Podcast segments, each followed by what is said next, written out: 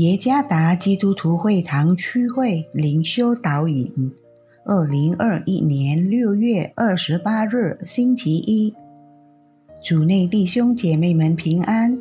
今天的灵修导引，我们要借着圣经《帖撒罗尼迦前书》第一章第三节来思想今天的主题：坚持不懈，恒守盼望。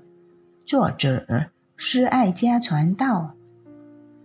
帖撒罗尼迦前书第一章第三节，在神我们的父面前，不住的纪念你们因信心所做的功夫，因爱心所受的劳苦，因盼望我们主耶稣基督所存的忍耐。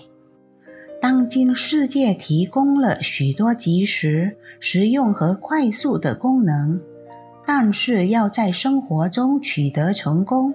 没有什么是及时的，一切都需要一个过程。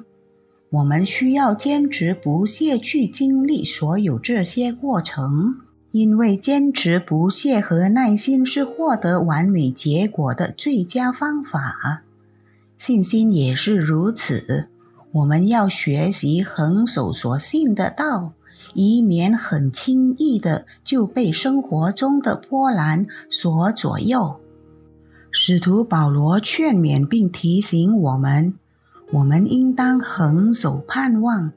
恒守的希腊语是 “hubomone”，意味着在苦难中坚持，持守严酷而有压力的纪律，不要屈服于压力和困难。帖撒罗尼迦会有当时的处境与犹太人和刚悔改的外邦人混在一起。他们也受到犹太人的侮辱，甚至他们遭遇很多迫害和痛苦。此外，在他们当中也有许多假师傅的发展。这些挑战导致他们的信心动摇的原因。因此，保罗劝勉他们恒守盼望。所谓的盼望，就是基督第二次再来的盼望。我们离基督的第二次再来还有很长的路要走，有多长和多久呢？无人知道。在那漫长的路途中，肯定会有许多问题、困难，甚至痛苦，搅扰我们不专注于基督第二次再来的盼望。然而，是否我们愿意不断的盼望他的到来呢？帖撒罗尼迦的会友横守盼望，因为他们成功的克服那些对基督的门徒怀有敌意之人的逼迫。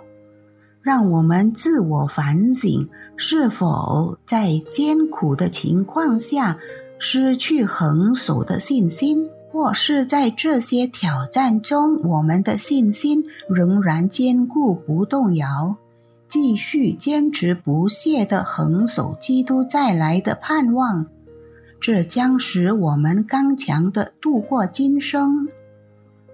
我们作为基督门徒的坚持不懈，乃是对他第二次再来赐给我们信心刚强的横守盼望。主耶稣赐福。